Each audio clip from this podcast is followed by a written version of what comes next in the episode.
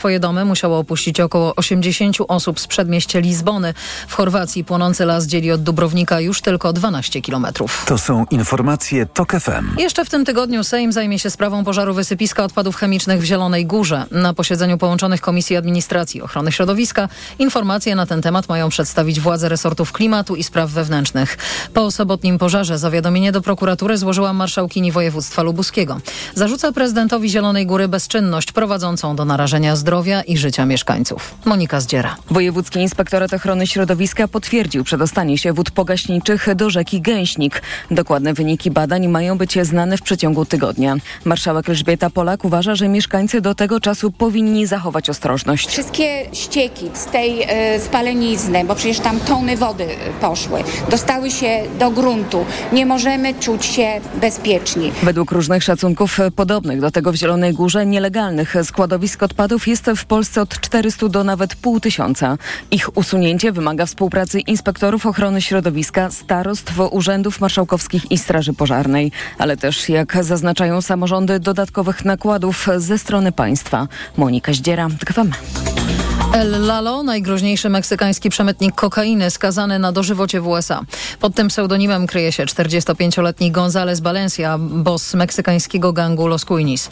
Amerykańskie służby ścigały go przez wiele lat. Ostatecznie został aresztowany w 2016 roku w Urugwaju, gdzie ukrywał się przed meksykańską i amerykańską policją, po czym deportowano go do Stanów Zjednoczonych. Jednym z jego najgłośniejszych przestępstw był przemyt do USA wielkich ilości kokainy w mrożonych tuszach rekinów. Kolejne wydanie informacji w TOK FM o 7.20. 20. Teraz kilka słów o pogodzie.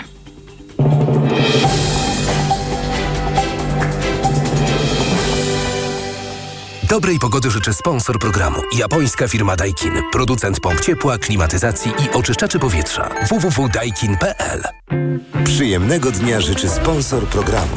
Producent drzwi DRE.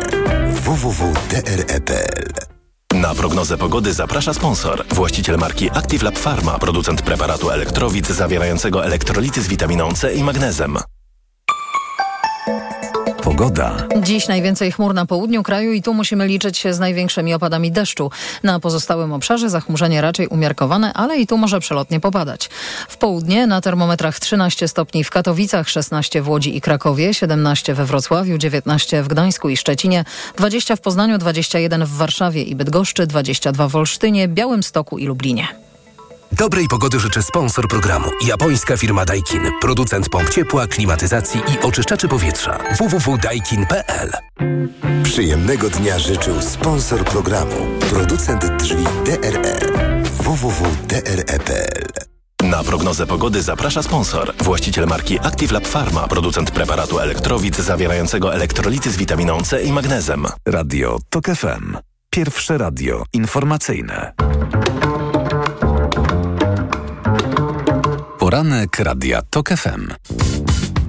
I jest 7.06, to jest środowy poranek Radia TOK FM. Maciej Głogowski, dzień dobry. Przyrodzona i niezbywalna godność człowieka stanowi źródło wolności i praw człowieka i obywatela. Jest ona nienaruszalna, a jej poszanowanie i ochrona jest obowiązkiem władz publicznych.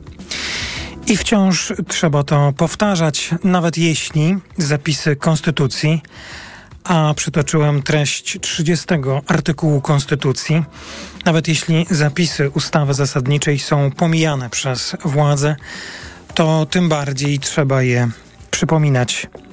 Wszyscy są wobec prawa równi Wszyscy mają prawo do równego traktowania przez władze publiczne. Nikt nie może być dyskryminowany w życiu politycznym, społecznym lub gospodarczym z jakiejkolwiek przyczyny. Nikt nie może być poddany torturom ani okrutnemu, nieludzkiemu lub poniżającemu traktowaniu i karaniu. To również fundamentalne zawarte w 32 i 40 artykule postanowienia naszej konstytucji. Ale nie są one fundamentalne dla władzy. W Polsce kobieta, obywatelka, zostaje poniżona, a władza odmawia poszanowania i ochrony jej godności. W Polsce lider opozycji jest wykluczony i wykluczany ze wspólnoty obywateli przez lidera rządzącej partii. Rzeczpospolita Polska jest dobrem wspólnym wszystkich obywateli, nie tylko tych, którzy sprawują władzę. Zapraszam Państwa do wysłuchania środowego poranka Radia TOK FM. Dziś naszymi gośćmi będą posłanka Joanna Senyszyn, ta rozmowa po godzinie 8. Komentatorkami w poranku po 8.20 będą dziś Katarzyna Skrzydłowska-Kalukin i Agata Szczęśniak, ale do dzisiejszego poranka zaprosiliśmy także Jarosława Flisa. Rozmowa o tym, czym jest z pewnością znana z nazwy metoda przeliczania głosów na mandaty. A więc e, czym jest i jak działa metoda Donta. Ta rozmowa już po 7.40, a po najbliższych informacjach gościem poranka będzie Łukasz Jankowski, prezes Naczelnej Rady Lekarskiej. A poranek Radia TOK FM rozpoczynamy od przeglądu prasy i nie tylko prasy, by wyjaśnić to, co mi dziś chodzi w tym poranku, posłużę się piórem Łukasza Lipińskiego, którego wstępniak otwiera nowe, dzisiejsze wydanie tygodnika Polityka. Redaktor Lipiński pisze tak, jak mówi, a dla mnie mówi i pisze zrozumiale. Cytuję. Rozgrywająca się na oczach całego kraju drastyczna sprawa skrzywdzenia przez policję pani Joanny pokazała najdobitniej, jaka będzie stawka nadchodzących wyborów. Każdy Polak i przede wszystkim każda Polka mogli się postawić w sytuacji pani Joanny i zastanowić, co się może z nimi stać, jeśli w swoim prywatnym życiu wejdą w konflikt z prawem przemocy, z aparatem przemocy i propagandy kontrolowanym przez PiS. To tylko fragment tego tekstu. Zgadzam się z tym, co pisze Łukasz Lipiński i o tym będziemy mówić dziś w poranku. To teraz cytat akurat nie z prasy, nie z gazet. W Sejmie dziś na posiedzeniu zbiera się parlamentarny zespół praw kobiet. Temat posiedzenia, trzeba powiedzieć, niestety oczywisty. Policyjna interwencja w krakowskich szpitalach wobec pacjentki pani Joanny, która zażyła tabletkę poronną, działania personelu medycznego, prokuratury i innych instytucji publicznych w tej sprawie. Taki jest temat posiedzenia zespołu. Mówię o tym, choć wiem, że to dopiero przed nami to wydarzenie. Przekazuję tę informację, bo być może będzie to i chyba tak powinno być dla Państwa i dla nas wydarzenie godne uwagi. O 12 w internecie będzie można oglądać transmisję tego posiedzenia, a posłanka Senyszyn, która będzie gościem naszej audycji po godzinie 8, przypominam, jest wiceprzewodniczącą tego zespołu, więc oczywiście do tematu powrócimy. Trwa środowy poranek Radia Tok FM, to teraz już prasa i to, co w gazetach można przeczytać. Tak się składa, że w tym tygodniu przypadł termin cyklicznej publikacji Głównego Urzędu Statystycznego, comiesięcznej informacji o sytuacji społeczno-gospodarczej. Kto ma ochotę, może odnaleźć ten dokument na stronie internetowej GUS. Tam jest wiele tabel e, pokazujących dane o, no właśnie, sytuacji społeczno-gospodarczej. E, od dawna ta publikacja, a przynajmniej jej fragmenty, powinny być traktowane jako kluczowe e, w Polsce i nie kluczowe przez GUS, bo to jest urząd, który jest od publikacji, od zbierania i publikowania danych, ale ta comiesięczna publikacja mogłaby być traktowana jako kluczowa przez polityków i opinię publiczną, a konkretnie jedna z tabel, jeden, z, y, jeden wycinek rzeczywistości, który jest tam publikowany ten dotyczący sytuacji demograficznej. Kto miał okazję, mógł już usłyszeć dziś w TOK FM rozmowę z panią profesor Kotowską. Ta Mm, ta rozmowa odbyła się w pierwszym śniadaniu w toku jeszcze przed godziną siódmą. Informowaliśmy także o tych danych, bo one opublikowane zostały wczoraj. W czerwcu urodziło się nieco ponad 23 tysiące dzieci. Rok temu było to ponad 27 tysięcy. Zmarło 30, ponad 31 tysięcy, a właściwie prawie 31,5 tysiąca osób. Rok temu ponad 33 tysiące. Teraz posłużę się jeszcze zestawieniem, które w mediach społecznościowych ja śledzę na Twitterze, być może jeszcze gdzie indziej można. W, w, mediach społecznościowych e, te dane, nie tylko te, ale te także, co miesiąc przedstawia i wybiera z nich to, co jest kluczowe, ekonomista Rafał Mundry. Jeśli Państwo e, są także posiadaczami czy, uczestni czy uczestnikami debaty w mediach społecznościowych, to można e, śledzić. To jest ekonomista który e, różne dane e, pokazuje, przybliża i wyjaśnia tę ekonomiczną rzeczywistość i także te, więc zacytuję fragment, e, tak by nie posługiwać się tylko suchymi informacjami, ale mieć już je wybrane. W ciągu ostatnich 12 miesięcy urodziło się w Polsce niespełna 291 tysięcy dzieci, zmarło 423 tysiące osób. E, I, I, jak napisał Rafał Mądry, to jest tragedia. Tak, to jest tragedia i to jest temat, który powinien być e, tematem zajmującym głowy i nie wiem jak to poprawnie powiedzieć, usta polityków, głowy, by wymyślać, co z tym zrobić, usta, by o tym informować i prowadzić de, de, debatę publiczną. E, wyborcza ma ten temat dziś też opracowany i dlatego Zachęcam, by zajrzeć. To jest trzynasta strona w Gazecie Wyborczej. Polki przestały rodzić. Oprócz tych danych, które zostały zebrane, które ja wycinkowo Państwu powiedziałem, można jeszcze w tym tekście w gazecie przeczytać już wcześniejsze dane były również niepokojące. I tak, w ubiegłym roku zanotowaliśmy najmniej urodzeń od II wojny światowej. Liczba urodzeń wyniosła 305 tysięcy, czyli o 27 tysięcy mniej niż rok wcześniej. Ja wiem, tu będzie sporo liczb, ale to są takie, które mimo, że słyszane w radiu powinny, powinny gdzieś nam zapadać i, i, i zostać e, zapamiętane. Prawdziwe tąpnięcie nastąpiło w kwietniu 2023 roku. Urodziło się zaledwie 21 tysięcy dzieci. To najgorszy wynik w historii. W kwietniu mówiliśmy, ale nie tylko w kwietniu warto było o tym mówić. Demografowie wskazują, że do spadku urodzeń mogą się przyczynić nowe regulacje Trybunału Konstytucyjnego związane z ustawą aborcyjną. Decyzja TK w sprawie zaostrzenia prawa aborcyjnego i tu cudzysłów może prowadzić do dalszego opóźniania decyzji o urodzeniu dziecka, a nawet rezygnacji z realizacji pragnień prokreacyjnych. Koniec cytatu. Przestrzegali zaraz po orzeczeniu TK członkowie Komitetu Nauk Demograficznych Polskiej Akademii Nauk.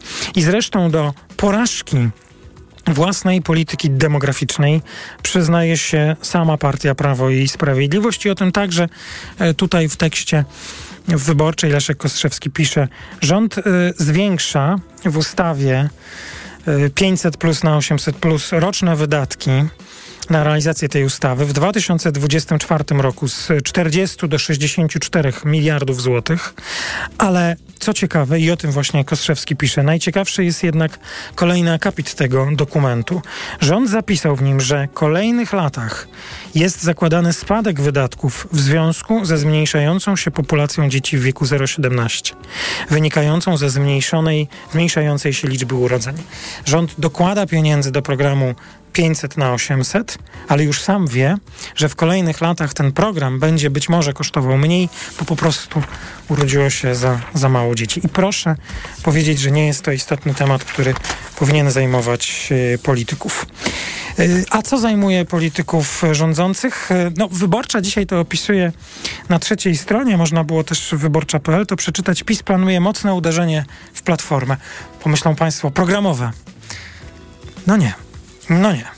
Jak e, pisze mm, Agata Kondzińska, powołując się na y, ważnego polityka obozu władzy. Nie powiem szczegółów, bo to byłaby zdrada i prezent dla opozycji, ale szykujemy mocną kampanię negatywną dla PO.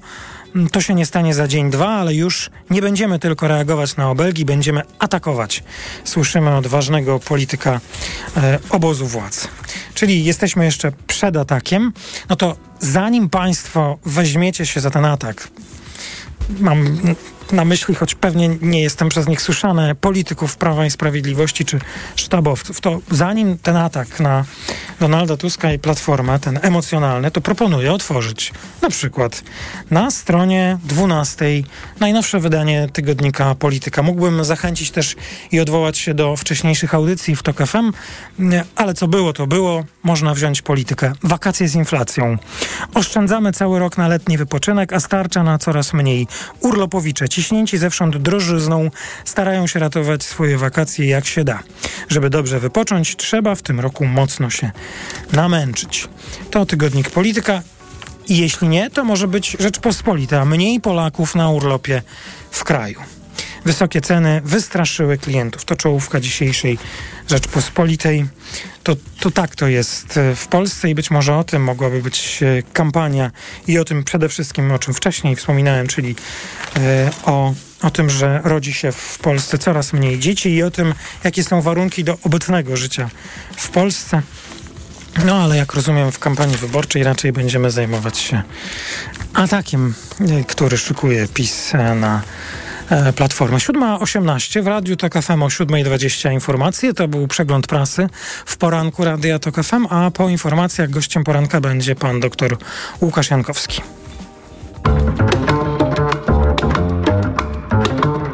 Poranek Radia TOK FM. Od światowych rynków. O Twój portfel. Raport gospodarczy. Mówimy o pieniądzach. Twoich pieniądzach. Słuchaj od wtorku do piątku po 14.40.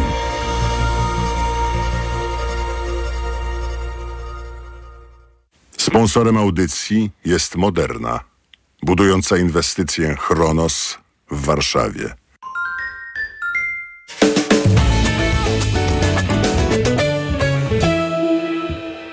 Reklama. RTV Euro AGD. Uwaga! Mega rabaty! Taniej nawet o wysokość inflacji. Promocja na wybrane produkty. Tylko do 31 lipca. Na przykład lodówka LG 2 metry. Komora świeżości. Najniższa cena z ostatnich 30 dni przed obniżką to 3179. Teraz za 2814 zł. Taniej o 365 zł. Szczegóły i regulamin w sklepach euro i na euro.com.pl. Reklama. Radio TOK FM. Pierwsze radio informacyjne. Informacje TOK FM. 7.20 Karolina Wasielewska. Rosyjskie drony spadły tej nocy na obwód charkowski w Ukrainie. Według lokalnych władz uderzyły w obiekty przemysłowe, co spowodowało pożar. Na miejscu pracują ratownicy. Wstępnie nie ma informacji o ofiarach. Słupska policja pod nadzorem prokuratury bada sprawę znalezienia dwóch ciał w miejscowości Kobylnica. Nieoficjalnie to zwłoki kobiety i jej ośmioletniego syna. Natknął się na nie jeden z domowników po powrocie do miejsca zamieszkania. Pożary nadal nękają południe Europy. Z powodu ognia na pobliskich łąkach i w lasach około 80 osób z przedmieścia Lizbony musiało opuścić swoje domy, a niespełna tysiąc psów i kotów z dwóch schronisk zostało ewakuowanych na stadion. Pożary zablokowały kilka dróg łączących Lizbonę z zachodnim wybrzeżem kraju, gdzie znajdują się kurorty nad oceanem. Z kolei w Chorwacji ogień zbliżył się do popularnego wśród turystów zabytkowego Dubrownika na odległość 12 kilometrów. Według jednego z lokalnych portali pożary spowodowały detonację min przeciwpiechotnych, które pozostały po wojnie w latach 90. na pobliskim wzgórzu. Słuchasz informacji TOK FM. Nieprawidłowości w informowaniu o składnikach czy ukryte alergeny to główne zarzuty kontrolerów inspekcji jakości handlowej, którzy sprawdzili bary z kebabami. Często klienci byli tam po prostu wprowadzani w błąd, tłumaczy szef inspekcji Przemysław Rzodkiewicz. Oferowano kebab do wyboru z kurczaka lub z baraniny, podczas gdy dostępny był kebab mieszany wołowo-drobiowy. Również zdarzały się sytuacje, gdzie deklarowano jagnięcinę, a w rzeczywistości zastosowano wołowo-drobiowy. Podsumowując, można powiedzieć, że wiele z dań oferowanych w formie kebabu było niezgodne z opisem. Na 109 skontrolowanych barów nieprawidłowości wykryto aż 89. Zakończyło się to karami na łączną kwotę 60 tysięcy złotych. Na tym kończymy to wydanie informacji. Kolejne w TOK FM o 7.40. Teraz czas na sport. Informacje sportowe. Przemysław Pozowski, zapraszam. Piłkarze Rakowa zaczynają walkę awans do trzeciej rundy kwalifikacji Ligi Mistrzów. Zespół z Częstochowy pierwszy mecz z mistrzem Azerbejdżanu Karabachem Agdam zagra przed własną publicznością, mówi trener Rakowa Dawid Szwarga. Raków Częstochowa również ma za sobą już e, rozgrywki w europejskich pucharach, w eliminacjach do danych rozgrywek Jestem przekonany, że to doświadczenie, które zebraliśmy w poprzednich latach, mm, będzie również procentować w meczu z Karabachem. Mecz Rakowa zacznie się o godzinie 20.15. Iga Świątek awansowała do drugiej rundy turnieju BNP Paribas Warsaw Open rozgrywanego na kortach Legii. Liderka rankingu tenisistek wygrała z Niginą Abdurajmową z Uzbekistanu 6-4-6-3. Do drugiej rundy awansowały też wczoraj m.in. finalistka tegorocznego Rolanda Garrosa Czeszka Karolina Muchowa i jej rodaczka 18-letnia Linda Noskowa. Odpadła Linda Fruch-Wirtowa. Żużlowcy Wielkiej Brytanii wygrali we Wrocławiu pierwszy półfinał drużynowego Pucharu Świata i awansowali do sobotniego finału, w którym zagwarantowane miejsce mają już Polacy. Szwedzi i Czesi pojadą w turnieju barażowym, a Niemcy odpadli z rywalizacji. Holenderka Lorena Wibes wygrała trzeci etap wyścigu kolarskiego Tour de France kobiet. Koszulkę liderki zachowała Belgijka Lotte Kopecki. W czołówce wciąż jest też Katarzyna Niewiadoma. W Fukuoce w Japonii trwają pływackie Mistrzostwa Świata. Wczoraj szóste miejsce w wyścigu na 100 metrów stylem grzbietowym zajął z czasem 52,92 Ksawery Masiuk. Dużo osób mi napisało, że no pierwsza 50 top, pierwsza 50 top. No ale druga też była całkiem w porządku. Ogólnie cały wyścig naprawdę uważam za niesamowity. Na pewno chyba zdecydowanie dostarczyłem dużo emocji. Moja życiówka sprzed roku dałaby mi tutaj medal, ale cały czas jestem naprawdę mega zadowolony z tego wyścigu. A złoty medal wywalczył Amerykanin Ryan Murphy. Na podium stanęli też Włoch Thomas Czekon i Amerykanin Hunter Armstrong. Teraz w sporcie to wszystko, a za chwilę jeszcze pogoda.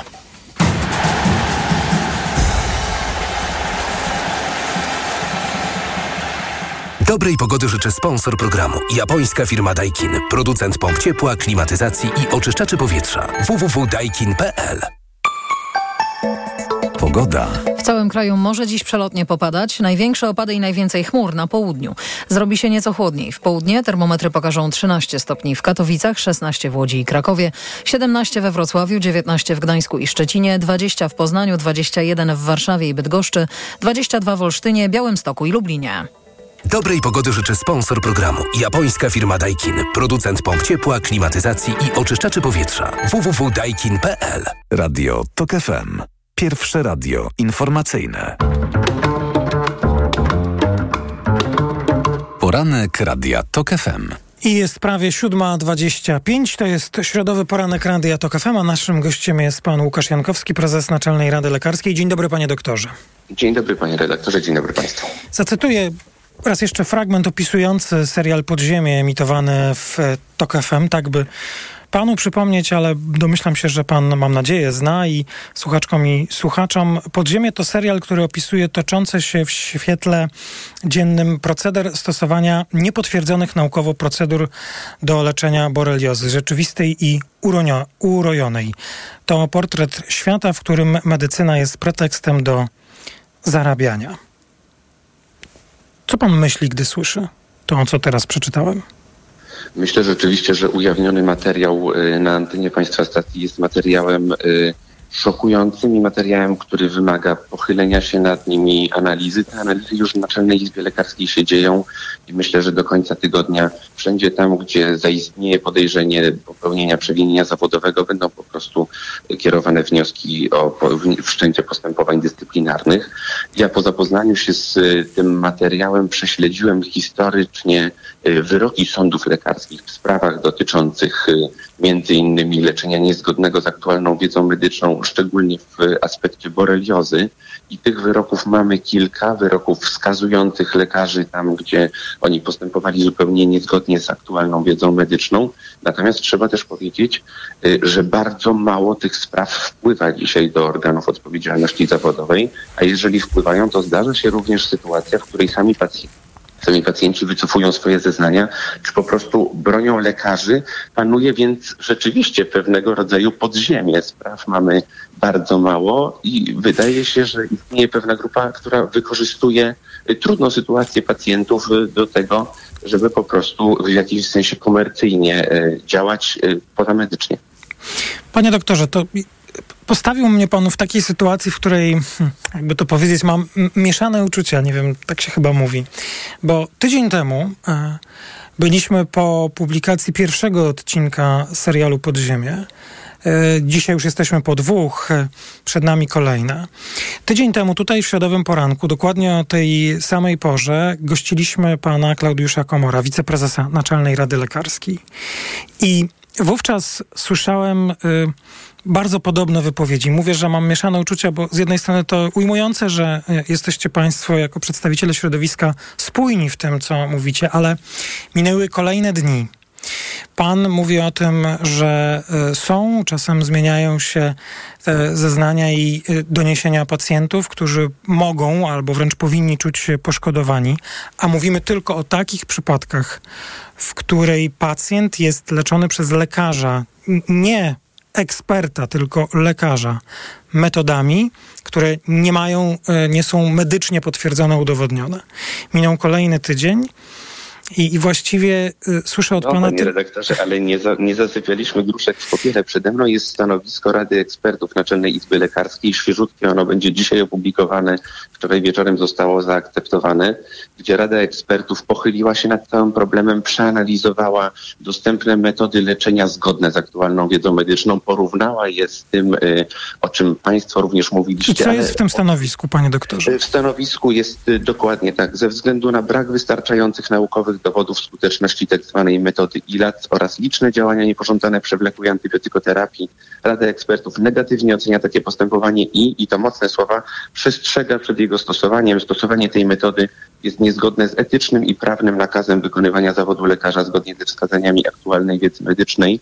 To jest stanowisko 30 profesorów i doktorów habilitowanych którzy przeanalizowali cały materiał. Na tej podstawie tego stanowiska my możemy już w sposób pełny, odpowiedzialny kierować y, wnioski do Rzecznika Odpowiedzialności Zawodowej i y, to nie jest tak, że sprawa została zamieciona pod dywan albo nie wykorzystywaliśmy czasu y, w sposób Panie odpowiedzialny. doktorze, Podeszliśmy ja do nie stawiam tezy, że sprawa jest zamiatana pod dywan. To, to, to nie była moją, moją intencją. Ja zresztą staram się być bardzo uważny w rozmowach, kolejnej rozmowie, którą prowadzę na e, ten temat, dlatego że mm, wcale nie uważam, by należało uogólniać e, i, rozciągać odpowiedzialność na całe środowisko medyczne. W Polsce mamy wielu świetnych, e, wiele świetnych lekarek i lekarzy, a my pokazujemy tylko jeden wycinek tego, że w środowisku są także ci, którzy mają naukowe, lekarskie tytuły i stopnie naukowe, a jednocześnie starają się zarabiać pieniądze, stosując te metody, które potwierdzone nie są. I, Proszę zobaczyć, jak teraz... trudna jest sytuacja dla pacjentów, bo pacjent w dobrej wierze zgłasza się do lekarza z tytułem lekarza, często z tytułem naukowym. Z I co ma zrobić? Jak, skąd ma wiedzieć, skąd ma wiedzieć, panie doktorze, że ten ILAC, ta metoda, o której tutaj mówimy w kontekście boreliozy, skąd ma wiedzieć, że akurat to być tak nie powinno, że ten lekarz wcale nie zaleca tego, co jest udowodnione ekspercką wiedzą medyczną. Skąd ma to pacjent wiedzieć? No, na podstawie y, tych analiz, które przeprowadziliśmy, aktualnej wiedzy medycznej stanowiska Rady Ekspertów, trzeba powiedzieć z całą stanowczością, przedłużanie antybiotykoterapii y, powyżej przyjęte normy, a to przecież zdarzało się, że nawet pacjenci przez wiele miesięcy, ba, przez wiele lat przyjmowali antybiotykoterapię. Jest dla tych pacjentów po prostu szkodliwe. Sytuacja pacjentów rzeczywiście, odpowiadając na pytanie, jest nie do pozazdroszczenia, bo takie osoby y, legitymują się tytułem lekarza, często tytułem naukowym. Y, tymczasem stosowane przez nich terapie są niezgodne z aktualną Panie doktorze, wiedzą medyczną. To, to jeszcze raz. Chciałbym, by pan to powtórzył, bo, bo to nie może nam umknąć. umknąć. Na podstawie tego, co już zostało przez e, TOK FM i m, Michała Janczurę opublikowane w dwóch pierwszych odcinkach serialu Podziemie. E, państwo jako środowisko medyczne, rozumiem, że pod auspicjami Naczelnej Izby Lekarskiej czy Rady Lekarskiej publikujecie stanowisko i przestrzegacie lekarzy i pacjentów przed stosowaniem metody ILAC w leczeniu boreliozy, tak? Dokład, dokładnie tak i to stanowisko Rady Ekspertów, a mówimy tutaj o 30 osobach z tytułami naukowymi profesora, doktora habilitowanego z różnych dziedzin, nie pozostawia żadnych wątpliwości. To rzeczywiście jest y, również sygnał dla pacjentów. Pacjencie, jeżeli ktoś proponuje Ci dziś metodę, tak zwaną metodę ILAC, w leczeniu boreliozy, sięgnij proszę do stanowiska Naczelnej Izby Lekarskiej, do stanowiska ekspertów i poinformuj Naczelną Izbę Lekarską. W każdym z takich przypadków y, będziemy sprawdzać, czy nie doszło do deliktu zawodowego. I do deliktu zawodowego. To poważna sprawa, znamy to określenie, często posługując się wobec urzędników państwowych, którzy nie dopełniają swoich obowiązków lub naruszają obowiązujące przepisy. Pana deklaracja jest niezwykle ważna. Ja rozumiem, że to stanowisko, które, którego fragment pan cytował, zostanie dzisiaj oficjalnie opublikowane i każdy z nas będzie miał dostęp do całej treści, tak? Tak jest. Dzisiaj pojawi się o, Mhm. po 10 na stronie Naczelnej Izby. Dobrze. Panie doktorze, to jeszcze chciałbym odwołać się do po początkowych pana słów. Y, ja rozumiem, y, tak mówił i pan doktor Komor tydzień temu, to powtórzył pan dziś, że ważne jest, by pacjenci zgłaszali się, y, informowali o tych przypadkach. Ale z drugiej strony y, jest też coś takiego jak publiczna wiedza, którą pan, państwo jako środowisko dysponujecie, no między innymi dlatego, że chcecie opublikować e, e, owo oświadczenie czy stanowisko, zająć stanowisko w sprawie. Jeżeli macie wiedzę, że są konkretni lekarze, a my, a konkretnie w, e, autor serialu Michał Janczura w, przedstawił z nazwiska, imienia i nazwiska już czterech lekarzy posługujących się tą metodą. Czy to nie jest dla Pana wystarczający argument, by odwołać się do y, Waszych organów, y, tych, które badają przestrzeganie etyki i dyscypliny zawodowej, by sprawdziły, czy lekarze postępują ci konkretni w sposób etyczny? Jest, y, jest to oczywiście przesłanka. Na podstawie doniesień medialnych zdarza się, że wszczynamy postępowanie, ale w tej sytuacji, ponieważ materia jest dosyć skomplikowana, y, chcieliśmy mieć podbudowę merytoryczną. Rada Ekspertów wykonała pracę.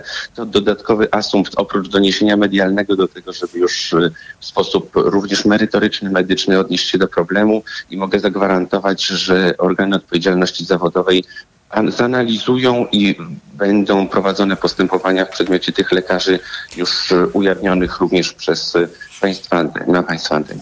Kiedy mamy spodziewać się tych działań już konkretnych?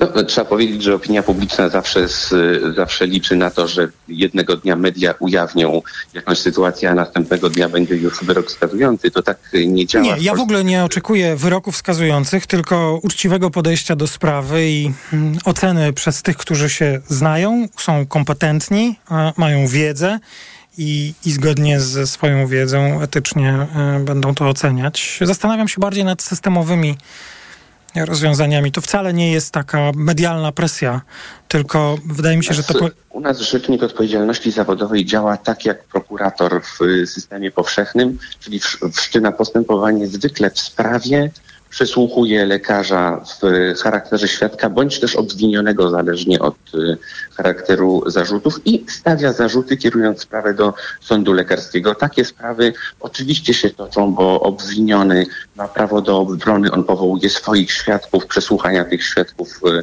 trwają, potem toczy się sprawa przed sądem lekarskim. Istnieją również możliwości kierowania przez rzecznika, czyli przez tego naszego prokuratora, do, wniosku, do sądu wniosków o zabezpieczenie, na przykład poprzez zawieszenie prawa wykonywania zawodu na czas postępowania. Y, Takie wnioski w wielu sprawach dotyczących y, tak zwanych receptomatów w tej chwili są y, na przykład kierowane, więc ta droga też jest, jest stosowana I tu przez... nie rozumiem, że w tej sprawie, o której rozmawiamy, pan jej nie wyklucza. Nie wykluczam, ale Rzecznik Odpowiedzialności Ja. Zawodowej i sąd to są suwerenne organy, w związku z tym to pozostanie do ich decyzji. Pan doktor...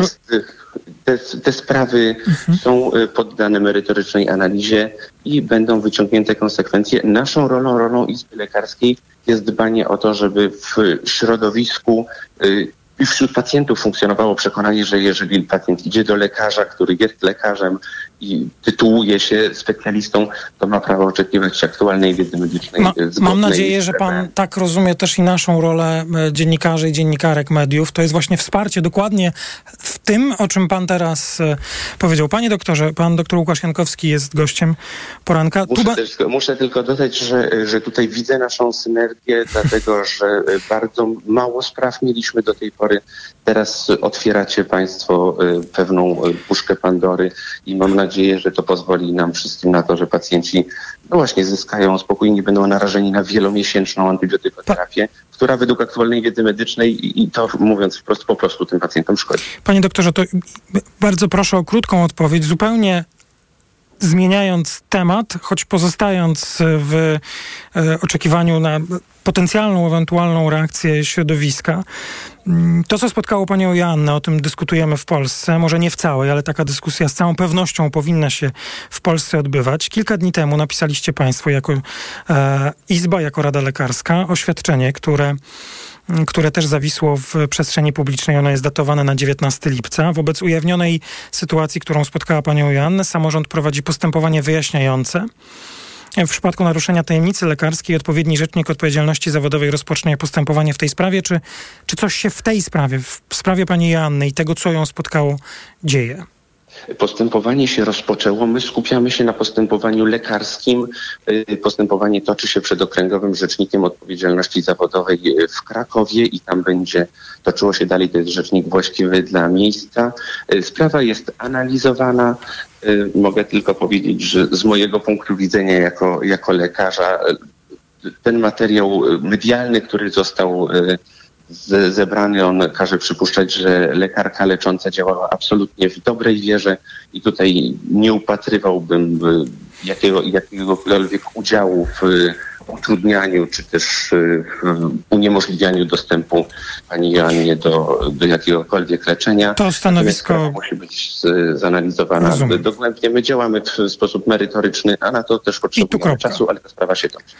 E, przyjmuję tę odpowiedź. Pewnie będzie jeszcze okazja, by o tym dyskutować, tak jak i Państwo mogą tę Pana wypowiedź w konkretnej sprawie, czyli sprawie Pani Joanny ocenić. Pan dr Łukasz Jankowski, prezes Naczelnej Rady Lekarskiej. Bardzo dziękuję. Informacje w Radiu TOK FM. Po informacjach gościem poranka będzie pan profesor Jarosław Flis. Poranek Radia TOK FM. Autopromocja. Codziennie dzieje się coś nowego. Codziennie dzieje się coś ważnego. Trzymaj rękę na pulsie i słuchaj swoich ulubionych audycji oraz podcastów i seriali reporterskich TOK FM w dowolnej kolejności, o dowolnej porze, zawsze gdy masz na to ochotę. Dołącz do TOK FM Premium. Teraz 30% taniej. Szczegóły oferty znajdziesz na tokefm.pl Autopromocja. Reklama. RTV Euro AGD. Tylko do 2 sierpnia. 50 zł rabatu za każde wydane 500. Promocja na wybrane produkty. Aż do 2000 zł rabatu. Rabat naliczamy od razu. Szczegóły i regulamin w sklepach euro i na euro.com.pl Emocje zaczynają w polskim społeczeństwie rosnąć. Zaniechania polskiego premiera. Za dużo informacji. Gazeta.pl przedstawia jeden news dziennie. 100% treści bez reklam. Wejdź na jedennewsdziennie.pl. Sprawdź, co dziś dla Ciebie przygotowaliśmy. Jeden news dziennie. Ważne, co czytasz. Kaśka, to ty? Tak. Ale schudłaś. Stosujesz jakąś dietę? Nie, stosuję tabletki na wątrobę Hepa Slimin. Zobacz, wątroba spisuje się wspaniale i jem wszystko, choćby czekoladę. Widzę, że Hepa Slimin wspomaga też utrzymanie smukłej sylwetki. To tylko taki słodki dodatek. Przecież ja nie muszę się odchudzać. Pewnie, że nie. To ja też będę brać Hepa Slimin. Chcesz mieć słodkie życie bez diety? Chcę mieć zdrową wątrobę. Suplement diety Hepa Slimin w trosce o wątrobę i smukłą sylwetkę. Mate pomaga w utrzymaniu prawidłowej masy ciała, a cholina wspiera funkcjonowanie wątroby. Aflofarm. Przewodnik technologiczny. Rewolucja trwa. Pomagamy nadążyć. Słuchaj od poniedziałku do piątku po 17.55. Sponsorem programu jest producent klimatyzatorów marki Hisense.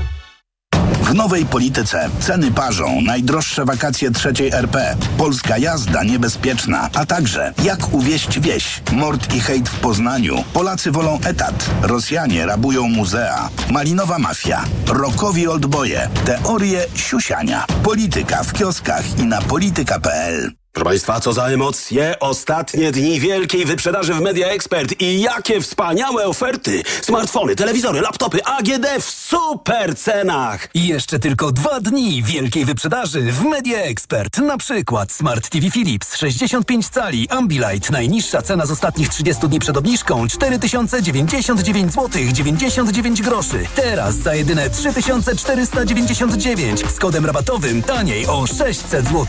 Media Expert. Ekspert. Tyle teraz słychać o wszawicy. Co robić? Zuzia też złapała, ale kupiłam w aptece sprawdzony lek. Sora Forte. Sora Forte? Tak, to jedyny taki szampon leczniczy. Jest łatwy w użyciu i już po 10 minutach zwalcza wszy. Sora Forte. Ekspresowy lek na wszawicę. Sora Forte. Permetriną 10 mg na mililitr. Wszawica głowowa u osób w wieku powyżej 3 lat. Przeciwwskazania na wrażliwość na którąkolwiek substancję inne piretroidy, piretryny. Aflofarm. Przed użyciem zapoznaj się z treścią ulotki dołączonej do opakowania bądź skonsultuj się z lekarzem lub farmaceutą, gdyż każdy lek niewłaściwie stosowany zagraża Twojemu życiu lub zdrowiu. Ale chwileczkę, bo w Biedronce są biedronkowe oszczędności i biedronkowa kraina świeżości. Do środy słodki arbuz na wagę tylko złoty 49 za kilogram oraz soczyste cytryny na wagę jedynie 5,89 za kilogram, a mięso mielone z łopatki wieprzowej kraina mięs 500 gramów tylko 6,99 za opakowanie przy zakupie dwóch. Biedronkowa kraina świeżości. Codziennie świeżość i niskie ceny. Oto powody, by iść do Biedronki. Szczegóły na biedronka.pl Reklama. Radio TOK FM. Pierwsze radio informacyjne. Informacje TOK FM. 7.42 Karolina Wasielewska. Tysiące ukraińskich dzieci przebywających w Polsce mogło wypaść z systemu edukacji. Według organizacji pozarządowych na koniec roku szkolnego w polskich szkołach uczyło się mniej niż 180 tysięcy młodych Ukraińców, a nie chodziło do szkół nawet dwa razy tyle. Resort edukacji twierdzi, że wszystkie ukraińskie dzieci w naszym kraju uczą się albo w systemie polskim, albo zdalnie w ukraińskim. Nie ma jednak żadnych, dokładnych danych na ten temat. Więcej o tym w informacjach TOK FM za niespełna 20 minut.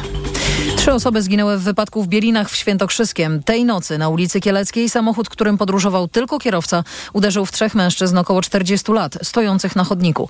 Mimo, że wezwani ratownicy przeprowadzili resuscytację, nie udało się ich uratować. Kierujący autem trafił do szpitala. Był trzeźwy. Rosyjska Duma Państwowa uchwaliła ustawę o podwyższeniu górnej granicy wieku poborowych do 30 roku życia. Inne przegłosowane zmiany to zwiększenie grzywny za niestawienie się na wezwanie komisji poborowej do 30 tysięcy rubli oraz kary pieniężne dla osób, które nie powiadomią komisji o zmianie miejsca zamieszkania czy o wyjeździe z Rosji na okres powyżej pół roku. Jeśli ustawa przejdzie przez Izbę Wyższą Dumy i zostanie podpisana przez prezydenta, będzie obowiązywała od przyszłego roku. Pierścionek w kształcie korony zaprojektowany i noszony przez legendarnego rapera Tupaka Shakura na krótko przed jego śmiercią w 1996 roku sprzedany za ponad milion dolarów. Na licytację w nowojorskim domu aukcyjnym Sotheby's wystawiła go matka muzyka. Pierścionek ozdobiony rubinami i diamentami to najdroższy jak dotąd przedmiot związany z hip-hopem, jaki sprzedano na aukcji. Pełne wydanie informacji w TOK FM już o 8. Pogoda. W całej Polsce to będzie deszczowy dzień. Największych opadów mogą spodziewać się mieszkańcy regionów na południu i południowym wschodzie. Nieco się ochłodziło. Dziś w południe 13 stopni w Katowicach, 16 w Łodzi i Krakowie, 17 we Wrocławiu, 19 w Gdańsku i Szczecinie, 20 w Poznaniu, 21 w Warszawie i Bydgoszczy, 22 w Olsztynie, Białymstoku i Lublinie. Radio TOK FM. Pierwsze radio informacyjne. Poranek Radia TOK FM. I jest 7.45, a w poranku Radia TOK FM kolejny gość, pan Jarosław Flis, socjolog, Uniwersytet Jagielloński. Dzień dobry panie profesorze. Dzień dobry. Są wakacje tuż przed wyborami. W czasie nawet jeśli nie formalnej, to realnej przecież kampanii wyborczej, to może mamy taki ostatni moment na rozmowę o sprawach, które, które każdemu, kto interesuje się polityką, a tak naprawdę interesuje się Polską, powinny nie tyle może pomóc y, w wyborach czy uczestnictwie w wyborach, co, co zrozumieć albo po prostu mieć pełną wiedzę na temat tego, co się dzieje.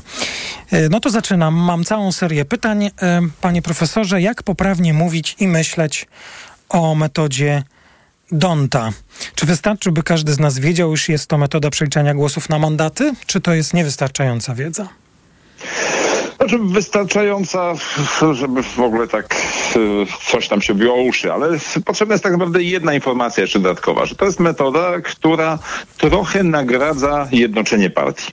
Jednak trochę zachęca, ale nie za mocno. To na przykład metoda z wyborów do Senatu, okręgi jednomandatowe, to ona tak na twardo e, za, zachęca do jednoczenia. To znaczy, że trzeci kandydat to jest tak zwany spoiler, no takie psoogrodnictwo. Znaczy sam, sam nie zje, ale, ale nikogo komuś innemu nie da, to znaczy przy, może przesądzić o wyniku wyborów. Natomiast w przypadku systemu Donta to jest tak, że to jest e, zupełnie przez przypadek to, to w zasadzie wyszło. E, że to jest taka metoda, która sprawia, że jak się dwie partie połączą, e, to dostają więcej mandatów. I to jest taka sam raz zachęta do tego, żeby się jednoczyć. Jakbyśmy nie mieli Donta, tylko na przykład y, metodę Sanlegi, no to wtedy nikt by w ogóle nie dyskutował na temat jednoczenia, opozycji, kogokolwiek, nikt by się nie łączył, PSL osobno, Hołownia osobno, razem osobno. Przerabialiśmy I... kiedyś tę metodę raz tak. w 2001 roku. Tak, no i to nie było zachęcające. Wydaje się, że patrząc na, na polską scenę polityczną, to, e, to nie jest to oczywiście łatwa gra, ale to polityce nic nie jest łatwe. Natomiast e, jest to taka w sam raz zachęta, to znaczy ona nie jest przemożna, nie jest taka, że się nie, że, że się nie dało. Przecież niektórzy mówią, że to jest oczywiście jednoznaczny sygnał, trzeba się jednoczyć. No ja akurat się z tym, z tym nie zgadzam. E, I widać to świetnie na ostatnim przykładzie, to znaczy widać po tym, że jak się trzecia droga powstała, czyli jak się połączył Hołownia E, z, e, z PSL-em, to znaczy stworzyli koalicję, no to owszem, w przeliczeniu na mandaty tych i początkowego wyniku e, było tak, że dostali wyraźny bonus, tam zamiast 40 mandatów na spółkę, no to 60, ale później się okazało, że ci wyborcy uciekają, to znaczy, że jak część wyborców oczywiście akceptuje, to nie ma problemu, większość, ale jakaś część, no, w ich przypadku nawet jedna trzecia prawie, jak się okazuje, jednak uważa, że to, że to lepiej poszukać sobie czegoś innego innego. E, I dokładnie to samo mogłoby się dziać, gdyby opozycja się zjednoczyła w całości.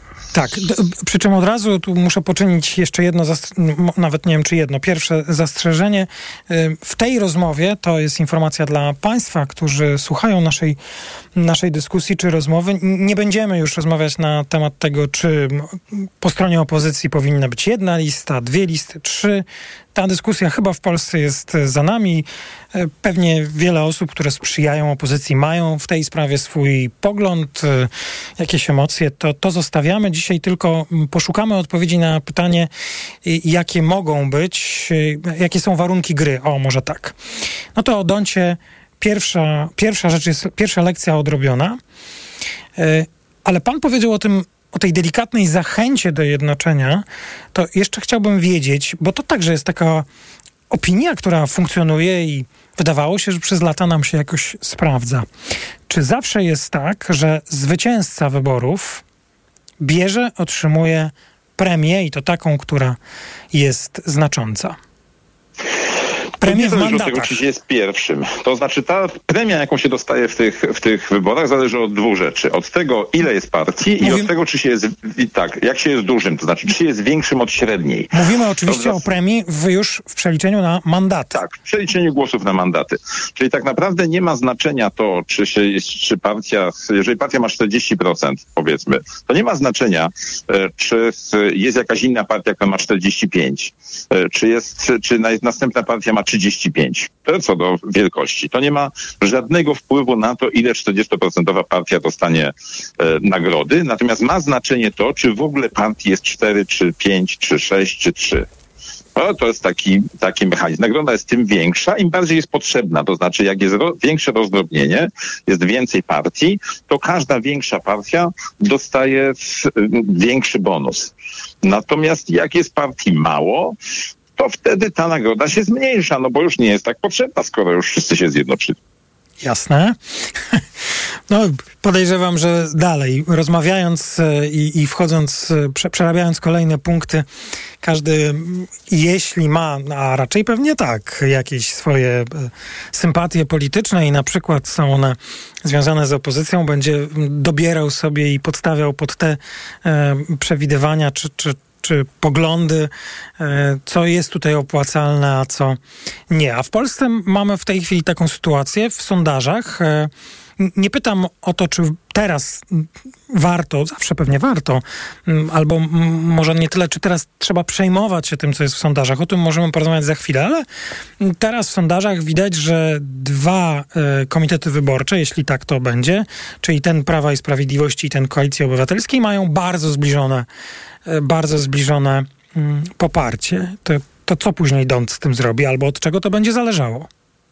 To znaczy, to będzie zależało dokładnie od tego, jakie będą mieć procenty, natomiast to, który będzie pierwszy, który będzie drugi, to dla Donta to jest zupełnie obojętne. To znaczy, po prostu będzie tak, że to jest taki, taka metafora, którą się posługujemy przy opisywaniu tego modelu, to jest taka metoda wspólnego, e, wspólnego posiłku. To znaczy, najpierw każda partia wrzuca do wspólnego kociołka 20 mandatów w Polsce, no 20,5 dokładnie, czy pół mandatu za każdy okręg wyborczy. I następnie z tego wspólnego kociołka każda partia wyjada chochelką wielkości swojego poparcia. I teraz, jeżeli mamy w tym momencie pięć partii, no to tam wyląduje, każda partia wrzuci 20,5 mandatu e, i tam wyląduje 102,5 mandaty w takim wspólnym kociołku. No i wtedy partia, która ma 33%, wyjada z tego jedną trzecią, no czyli jakieś 33 mandaty, czyli jest 13 mandatów do przodu. No i to już naprawdę nie ma żadnego znaczenia, czy ona, z, z ile mają pozostałe partie. Po prostu każda z, z, tych dużych partii dostanie o 10 mandatów więcej, niż by to jej się normalnie należało, a, a takie mniejsze partie, które wrzucą 20, ale dostaną jedną dziesiątą ze 100, czyli 10, no to będą 10 mandatów w plecy. No ale to no to tak, to taka jest. E, Panie profesorze. Tak, tak to jest już. Ja jestem wielkim zwolennikiem opowiadania tego na takich przykładach, bo to po prostu działa na naszą wyobraźnię, a w radiu to niezwykle ważne. No ale coś tam jednak e, każdy z nas w głowie ma i wiemy, że głosujemy w okręgach. W ogóle o tym nie powiedzieliśmy. Czy to jest tak, że w prosty sposób można spojrzeć na wyniki, choćby te sondażowe, w tej chwili publikowane i wysnuwać z tego wnioski, kto ile będzie miał mandatów? Czy to jeszcze zależy, kto w jakim okręgu wyborczym ma poparcie, ile jest mandatów do wzięcia w tym, wybo- w tym okręgu, ilu głosujących i tak dalej, i tak dalej? No w jakim zakresie to, to zależy, bo te okręgi są jednak lekko zróżnicowane i wiadomo, że na przykład wybory w Warszawie będą bardziej proporcjonalne i żeby zdobyć jeden mandat, choć jeden mandat w Warszawie, no to wystarczy tam te 5% poparcia, a na przykład w takim okręgu w Elbląskim, gdzie jest 7 mandatów, no to żeby się załapać na mandat, no to trzeba mieć co najmniej jedną ósmą głosów oddanych. Pewnie, no w każdym razie jakoś tak to wygląda. Więc tam szanse dla takich partii, które mają w tym okręgu, w ogóle mają notowania w okolicach 10%, a w tym okręgu jeszcze nie mają ich powyżej średniej, no to tam szanse na to, że ten mandat się, się zdobędzie są mniejsze. Ale prawda jest taka, że ostatni mandat w każdym okręgu to jest trochę losowa gra bo to zależy od układu poparcia dla wszystkich pozostałych partii, różne rzeczy się tam, się tam dzieją. Więc można tę podstawową pulę mandatów, jakby to jest taki średnio 11-mandatowy okręg, no to mniej więcej można przewidzieć 10 mandatów, jak kto je dostanie na podstawie tam wcześniejszych wyników i coś tam, ale kto dostanie ten jeden dodatkowy, na podstawie wcześniejszych wyników i sondaże, to dostanie ten jeden dodatkowy ostatni, no to jest trochę, trochę kwestia szczęścia. Ale ponieważ mamy 40 takich losowań, no to się, to się jakoś układa w rachunku prawdopodobieństwa. Poza jedną rzeczą, to znaczy jest tak, że frekwencja, mandaty są przydzielane w Polsce przed wyborami czyli zależy od liczby mieszkańców. E, a e, w, w, różnych okręgach jest różna frekwencja. W związku z czym różna jest siła głosu. No, takie są, takie są tego, e, tego efekty. Stąd na przykład mieszkaniec Warszawy, jak chce, żeby jego głos był dwa razy ważniejszy, no to trzeba wziąć zaświadczenie pojechać do Sulejówka.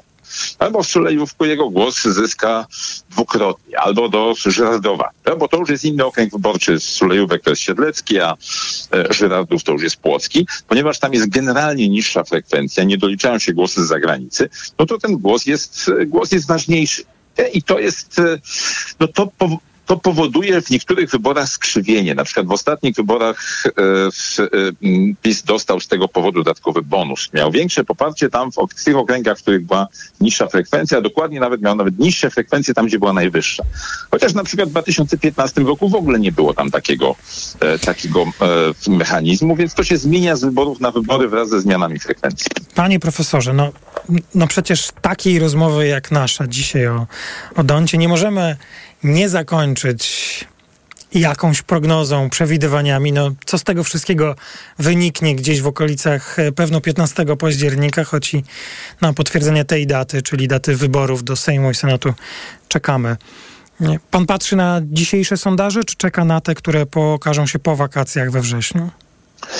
No lipcowe sondaże są trochę taką lipną, lipnym źródłem prognoz, bo jak się spojrzy na, na to, co się działo w ostatnich czterech wynikach, czterech wyborach, no to e, to mniej więcej te o, o kilka punktów procentowych to się zmieniało.